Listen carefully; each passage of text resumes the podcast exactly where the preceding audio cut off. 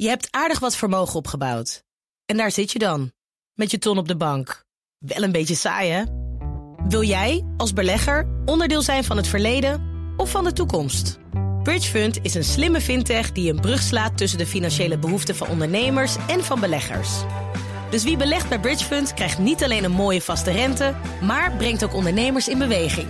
Echt waar, met die ton kan je zoveel betere dingen doen. Bridgefund. Make money smile. Bouwmeesters wordt mede mogelijk gemaakt door Bouwend Nederland. De bouw maakt het. BNR Nieuwsradio. BNR Bouwmeesters. Jan Postma. In deze zomerperiode blikken we terug op bijzondere gesprekken van het afgelopen seizoen.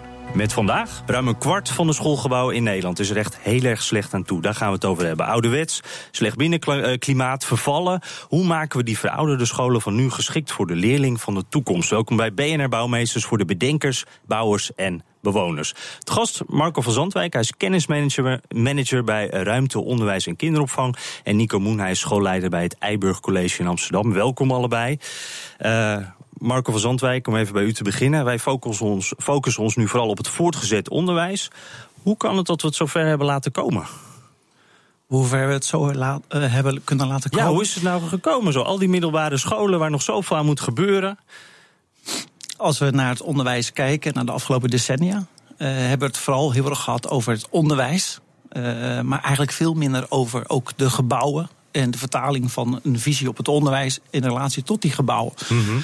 uh, en daar is eigenlijk heel weinig eigenaarschap getoond. Eigenlijk de, de, een verbindende regierol om dat vraagstuk ook echt op te gaan pakken. Ja, ja, ja. Uh, ik heb hem niet gezien waar die vandaan is gekomen. Dus dat onderwijs dat bleef maar veranderen en die klaslokalen bleven allemaal helemaal hetzelfde.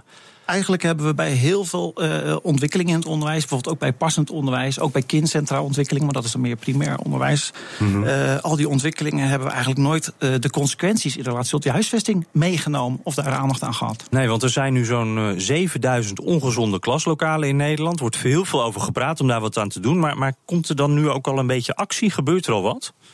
Nou, dat is misschien wel ook het probleem. Er gebeurt heel veel. Maar het is allemaal geïnitieerd door wat wij dan noemen de aanbodzijde. Het is een, de ene initiatief uh, valt over het andere initiatief heen. We hebben recent ook de bouwagenda gehad. Absoluut een heel goed initiatief. Ja, waar, waar ook vanuit het onderwijs belangrijk onderdeel van is. een belangrijk onderdeel van is. Maar het is in feite het zoveelste initiatief wat de discussie opnieuw ter, uh, ja, naar voren brengt. De kwaliteit van de gebouwen. Uh, maar eigenlijk is het niet veel meer als de aanbeveling die de voormalige Rijksbouwmeester Lisbeth van der Pol in 2009 deed. Mm -hmm. Om nou eens echt werk te gaan maken van deze kwaliteitsimpuls die nodig is voor het onderwijs. Ja, uh, Nico Moen, kom ik bij u uit. Want u heeft al uh, drie scholen gebouwd, bij vijf projecten uh, betrokken geweest ook. Hoe, hoe komt het dan dat u het wel lukt? Uh, ja, nou, wij zijn niet de enige die hebben gebouwd. Er wordt gelukkig meer gebouwd. Uh, dat heeft te maken gehad met dat mijn eerste project was een, uh, een school die ging naar lange fusies, hè, zoals zoveel voorkomt. nieuw is gebouwd in de jaren, begin, eind jaren 90, dus 2000 opgeleverd. En de andere twee gebouwen, dat zijn twee nieuwe schoolgebouwen in de wijk Eiburg. Een nieuwe wijk in Amsterdam. Amsterdam is booming, zoals we weten. Dat groeit enorm.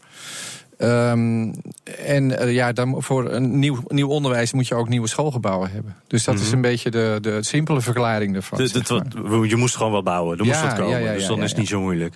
Maar ik kan me wel voorstellen, u, u, maakt dan hele andere keuzes bij het bouwen van zo'n gebouw dan dat we twintig jaar geleden uh, deden. Hoe, hoe, baseer je die keuzes? Uh, waar baseer je die op? Kijk je dan veel naar onderzoeken of hoe werkt dat?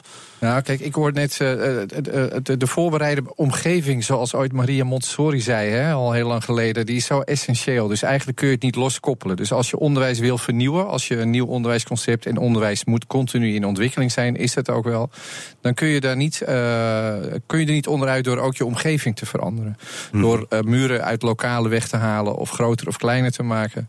Uh, dat is essentieel. Dus je moet de faciliteiten hebben om je nieuwe, je nieuwe onderwijs of je ontwikkeling in onderwijs mee te maken.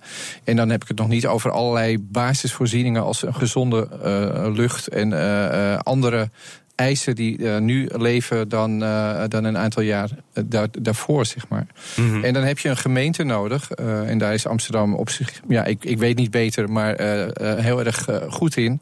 Om dat te faciliteren en te zorgen dat die onderwijsgebouwen up-to-date zijn. Ja, maar u noemt nu Montessori, dat is al een tijdje geleden. Ja. Ik neem aan dat er ook wel meer onderzoek wordt gedaan nu, toch? Veel moderner. Nee, absoluut. Maar het is wel grappig, want Montessori heeft 100 jaar geleden een verhaal verteld. wat je nu nog steeds kunt, uh, weer hernieuwd kunt uitvinden. Dus onderwijsvernieuwing is ook een onderwijsontwikkeling met een aantal dingen die terugkomen. Mhm. ja, en wij leiden nu op uh, voor leerlingen en voor, voor jongvolwassenen die iets heel anders gaan doen dan een x aantal jaar geleden. Dat vraagt om heel ander onderwijs. De digitalisering. Hè, het is natuurlijk vrij bizar dat niet alle scholen up-to-date en high-tech uh, wifi hebben. Uh, wat de wereld om je heen wel heeft. Maar de onderwijs duik je vaak in een cave waar geen verbinding is. Of waar het niet mag, omdat de kinderen dat niet mogen. Ja, dat kan natuurlijk niet. Nee, dat kan voor die wifi is wel een heel duidelijk voorbeeld. Ik dacht dat dat toch wel doorgedrongen was tot die scholen. Maar uh, blijkbaar nog niet. Uh, Marco van Zandwijk, wat is nou zo'n basisvoorwaarde waar een, een, school aan moet voldoen om echt toekomstbestendig te zijn? Naast die wifi dus. Ik heb het geluk gehad om in de afgelopen jaren, mede ook naar aanleiding van het onderzoek wat de Rijksbouwmeester destijds in 2009 had gelanceerd, te mogen werken aan actuele programma's van eisen voor die scholen. En dat hebben we samen gedaan met de schoolbesturen en gemeenten. En dan ook voor het VO met schoolbestuur uit voortgezet onderwijs. En als je dan kijkt, als je dat heel moet terugslaan, want we hebben alle kwaliteitscriteria onder de loep genomen, waaronder ook uiteindelijk ICT natuurlijk een heel belangrijk prominent onderdeel was. Mhm. Maar eigenlijk kan je het samenvatten in vijf indicatoren. Het gebouw moet uitnodigend zijn, het gebouw moet geschikt zijn, het gebouw moet gezond zijn, het moet duurzaam zijn en het zou ook nog fijn zijn dat het betaalbaar zou zijn. Nou, dat zijn wel eigenlijk vijf zaken die je toch niet doorgaans altijd terugziet. Nee, want welke miste nou vaak? Nou, er, wordt, er is natuurlijk heel veel aandacht de laatste jaren uh, voor gezondheid en duurzaamheid. Mm -hmm. En ook met het aanstaande uh, kabinetsakkoord is er waarschijnlijk ook nog een enorme impuls te verwachten. Uh, wellicht ook met een stukje financiering om die gebouwen nog duurzamer te maken.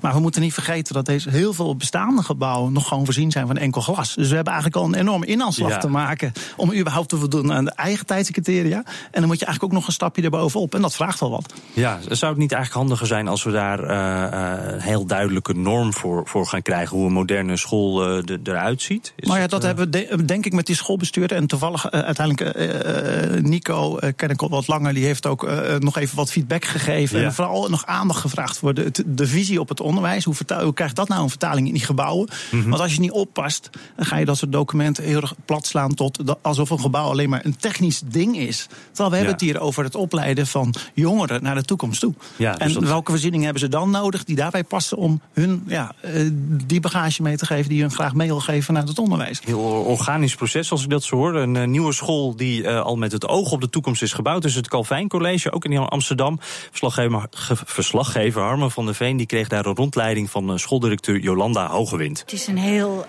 open gebouw. Wat recht doet aan het verschil van, van mensen. We zijn allemaal verschillend. En dit gebouw doet daar recht aan. Hoe zie je die differentiatie terug in de architectuur zo om ons heen? Nou, dit is het uh, binnenschoolplein, zou je kunnen zeggen. En dit is ook mijn favoriete plek, omdat je hier zie je alles. He, en ook omdat het gebouw zo gemaakt is, het is volledig transparant. En uh, nou, je kan, als je uh, hier over de balustrade kijkt, dan zie je alles wat er gebeurt. Ik zie wel twintig balustrades. Het lijkt wel een soort dassenburgt, een soort gangensysteem. Heel mooi, maar dan open. Dat klopt. Ja, heel veel trappen, heel uh, open, veel ramen. Uh, niemand kan zich meer verstoppen. Er is helemaal op ingesteld. Wat voor impuls kan zulke prachtige nieuwbouw geven aan het leerklimaat? Nou, dat geeft een enorme impuls. Want uh, nou ja, zoals je ziet, er zijn hele mooie materialen gebruikt. Ik vind het een hele prachtige architectuur, heel erg open. En wat je ziet is dat leerlingen uh, trots zijn op hun gebouw. En ik vind ook, we, we, zitten hier nu anderhalf jaar, nou kijk om je heen. Het is nog even netjes en schoon. En uh, daar hoeven we niet eens zo heel erg ons best voor te doen. Het gebouw want, nodig daartoe uit. Precies. En je, je, je wilt vanuit jezelf eigenlijk wel goed voor het gebouw zorgen. Zo ziet het eruit. Ja, mooi uitnodigend gebouw dus. Wat de kinderen er zelf van vinden, dat hoor je zo in het tweede deel van deze reportage. Uh, Nico Moen, ik ben wel benieuwd. Gaat u dan ook eens kijken bij zo'n uh, collega die een, een nieuwe school opent? Is er veel uitwisseling van kennis?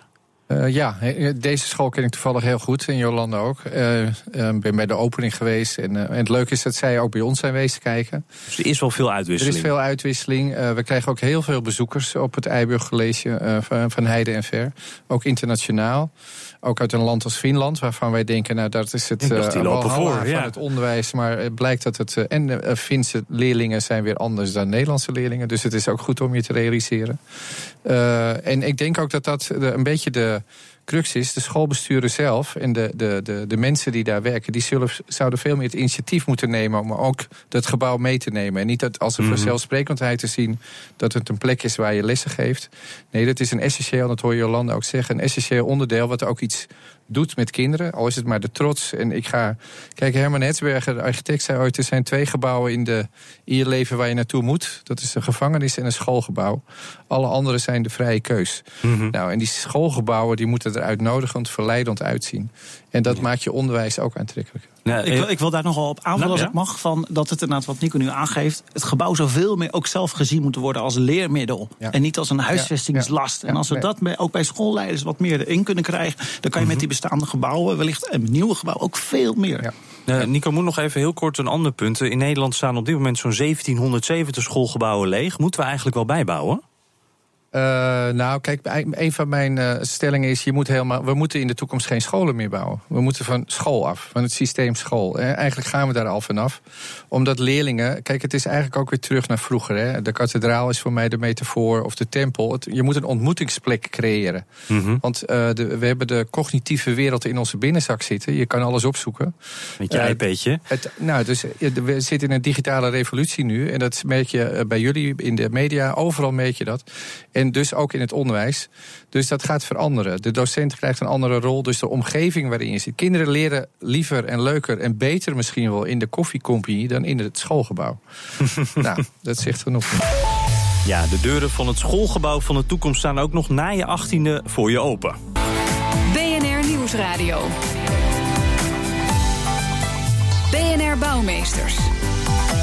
Het onderwijs verandert en de schoolgebouwen dus ook. Een school is niet meer alleen een leerfabriek. Een school, school moet zoveel meer zijn. Daarover praat ik verder met mijn gasten. Marco van Zandwijk, hij is kennismanager manager bij ruimte, onderwijs en kinderopvang. En Nico Moen, hij is schoolleider bij het Eiburg College. Nou, eh, meneer Moen gaf net al een beetje een, een voorzetje. Het moet een soort eh koffiecompany zijn. Daar leren de, de, de leerlingen eigenlijk veel beter dan in een gewone klassieke klas. Ja, we worden ook al meer grotere ruimtes in zo'n school. Eh, Marco van Zandwijk, wat, wat kunt u ons wat verder meenemen dan in zo'n school? Hoe gaat dat er dan uitzien? Nou, wat hele aardig is, kijk, niemand kan natuurlijk eigenlijk eh, tien jaar vooruit kijken. Maar als je toch wel even kijkt naar een aantal andere ontwikkelingen die hier spelen, eh, dan heeft daar, is denk ik de meest belangrijke, eh, is toch wel die van digitalisering en de manier hoe jongeren überhaupt met elkaar communiceren. Vroeger waren schoolgebouwen natuurlijk heel erg gericht op het klassikale, hè, de, de instructieoverdracht. En eigenlijk is de school niet langer meer de een, de, ja, de, heeft al, het alleenrecht voor het delen van informatie. Dus als dat zo is, dan moet je gaan kijken, ja, wat voor soort omgeving heb je dan wel nodig? En, En wat past wat bij de dat jongeren?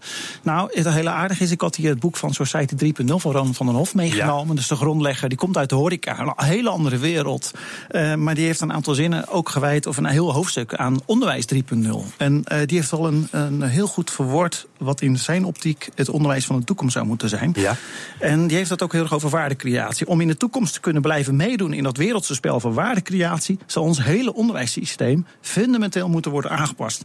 Hij zegt: In mijn optiek. in mijn optiek beginnen we met het nadenken over de letterlijke plek van scholen in een samenleving. Geen gesloten instituten meer, maar een open plek, bruisend creatief en sociaal. Plaats voor ontmoetingen en activiteiten binnen de wijk, dorp of stad waar de school gevestigd is. Deze man komt dus niet uit het onderwijs.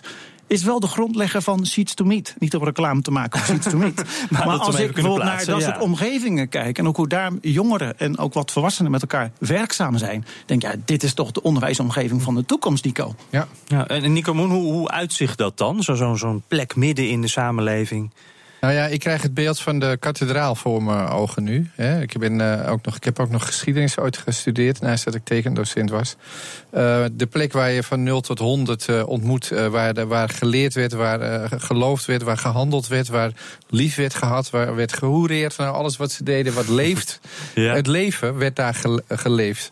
En onderwijs, de scholing, is niets meer dan je ontwikkelen tot volwassenen. Mhm. En dat is, wij hebben dat in, in allemaal hokjes gehakt en, en daarna in lokale eh, eh, v- eh, vorm gegeven.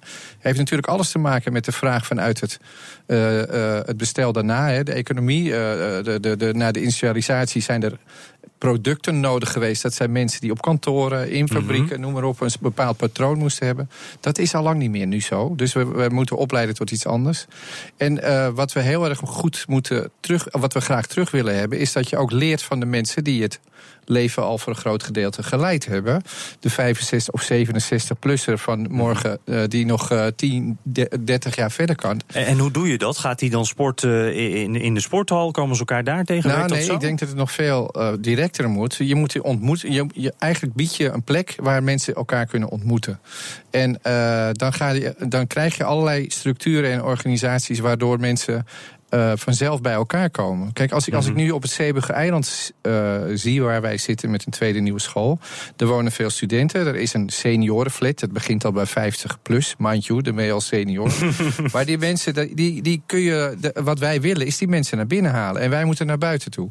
Dus we bouwen als school ook een muur op. We zetten ook een gebouw neer wat om half vier dicht moet. Want het is zo handig. Want wie, anders, wie ruimt anders de rommel op? Mhm. Nou, daar moeten we vanaf. We moeten die schotten weghalen. School wordt ook een soort buurtcentrum.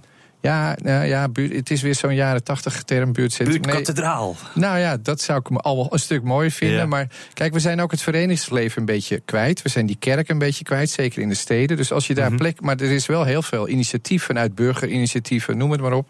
Dus je zoekt plekken waar je elkaar.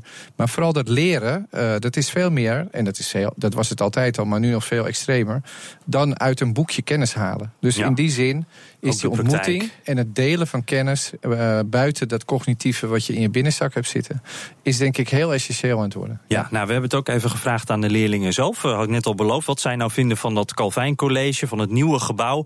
En wat ze niet zo fijn vonden aan hun oude school. Want bij het oude gebouw waren er ratten, muizen. En bij dit gebouw niet. Het heeft veel ruimte en het heeft ook leer... En het heeft ook leergebieden, dus dat is ook wat fijner. Want de, heb je ook minder ruzies en zo. Ik vind de kantine mooi. Ik vind het mooi gemaakt, zeg maar. Het is ook schoner en fijner. Waarom is het fijn dat het gebouw goed is? Wat, hoe helpt dat? Je kan makkelijker je plek vinden en je bent, dan kom je met... Uh, met vrolijkheid naar school, zeg maar. En niet met een boze gezicht of zo. Je voelt je prettig hier? Ja, het leerklimaat. Het uh, is mooi en de leergebieden zijn leuk. Allemaal, allemaal leuke dingetjes. Mm -hmm. Ze hebben voetbalkooi boven en zo. Een voetbalkooi? Ja. Op het dak? Ja. Speel je daar veel? Soms. En waarom is dat leuk, zo'n voetbalkooi? Uh, dan kan je daar voetballen. Als je niks te doen hebt, kan je daar gewoon voetballen met je vrienden. Nou, ik vind het een hele mooi gebouw. Ja, en we hebben hier heel veel ruimte. En ja, we kunnen dingen doen wat we zelf willen doen. En we hebben, uh, we hebben aparte leergebieden met ons uh, vierdejaars, derdejaars. En gewoon ook kinderen van je leeftijd. Ook uniek, hè? Nog nooit gezien, een voetbalkooi op een school. Ja, op het dak ook nog. Stoer. Ja. Leuk, veel plezier. Dankjewel. Ja, best stoer eh, voetballen op het dak. Uh, Nico Moen, hier horen we hele uh, vrolijke uh, leerlingen, eigenlijk allemaal heel tevreden. Worden die leerlingen nou ook meegenomen in zo'n bouwproject? Praat u ook eerst met leerlingen om te kijken wat zij eigenlijk willen?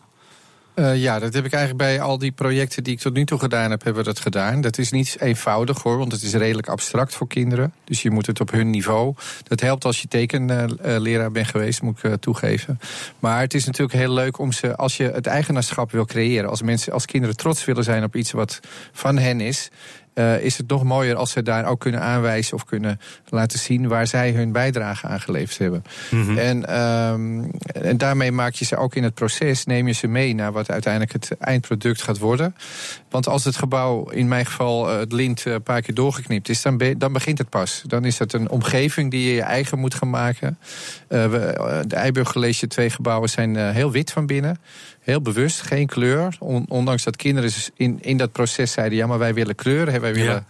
Uh, uh, gravity, we willen weet ik het. Ja. Uh, maar dat hebben we liever dat ze dat zelf doen. Dus op het moment dat jij, wij werken in thema's, het thema kracht hebt, dan mag het best op de muur duidelijk zijn wat thema kracht is. En acht weken later is het weer wit. Het is een, een maagdelijk doek, zeg, dat gebouw. En dan kan je het weer opnieuw gaan vullen. Ja, dus dan doet het, het mee met je onderwijs. Het lijkt wel het, de school als laboratorium. Hè? Ik ja, heb een, ja, dat een dochter van vijf jaar. Daar is hetzelfde, dat, dat academische, dat, dat experimenteren en dat, die cyclus van de onderwijstijd terug laten komen in je onderwijsomgeving. is natuurlijk hartstikke mooi. Maar er ligt volgens mij bij het Calvijn College ook nog een laag onder, die ik wel relevant vind, ook Mhm. in dit gesprek.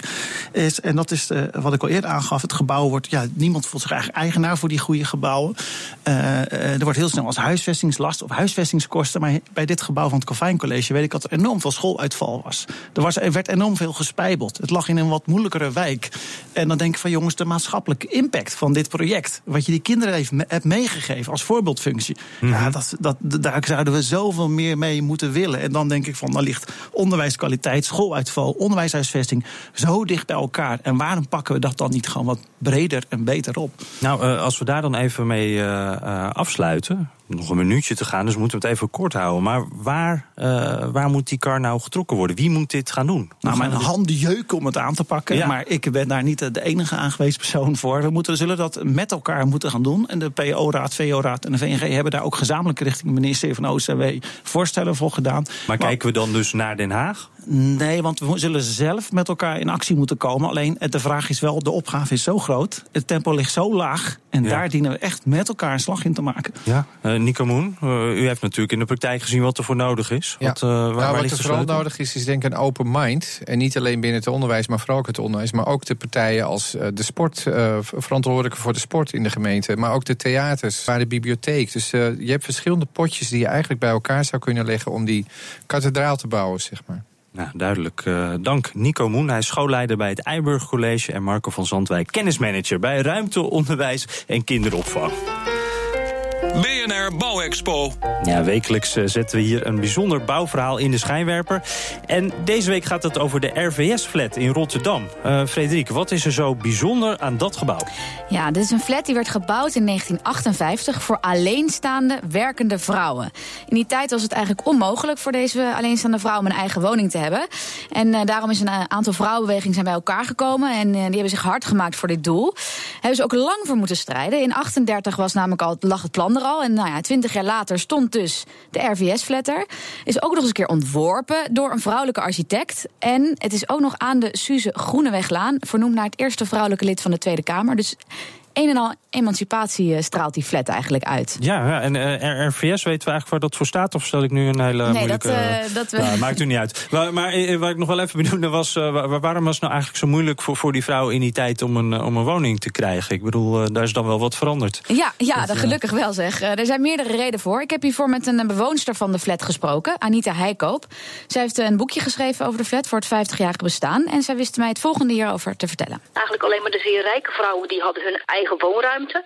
Er wordt voorrang gegeven aan, aan gezinnen sowieso en ook aan, aan, aan heren die een eigen woning wilden. Dus het was voor vrouwen ook nog tot, tot in de jaren 50 geloof ik, was het ook niet mogelijk om een eh, huurvergunning te krijgen in Rotterdam of een woonvergunning te krijgen. Ja, het mocht dus gewoon helemaal niet. Je, kon niks als alleenstaande vrouw als je niet eh, een beetje vermogend was. Nou, kijk, dan eh, is daar eh, echt wel wat veranderd. Dat- is een eh, behoorlijke overwinning geweest. Ja, Anita Heikoop heeft voor haar onderzoek ook nog met originele bewoonsters gesproken. Eentje daarvan woont zelfs nog in de flat op het moment.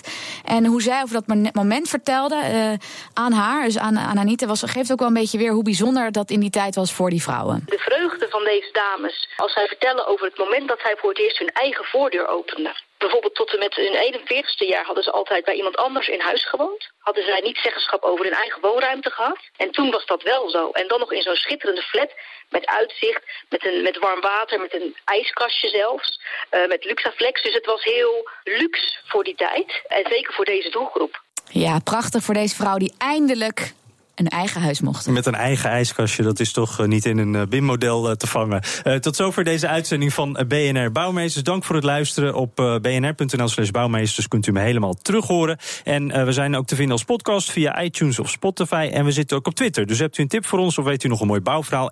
BNR Bouw of mail naar bouwmeesters.bnr.nl. Dank voor het luisteren. BNR Bouwmeesters wordt mede mogelijk gemaakt door Bouwend Nederland. De bouw maakte. Je hebt aardig wat vermogen opgebouwd. En daar zit je dan, met je ton op de bank. Wel een beetje saai, hè? Wil jij, als belegger, onderdeel zijn van het verleden of van de toekomst? Bridgefund is een slimme fintech die een brug slaat tussen de financiële behoeften van ondernemers en van beleggers. Dus wie belegt bij Bridgefund krijgt niet alleen een mooie vaste rente, maar brengt ook ondernemers in beweging. Echt waar, met die ton kan je zoveel betere dingen doen. Bridgefund. Make money smile.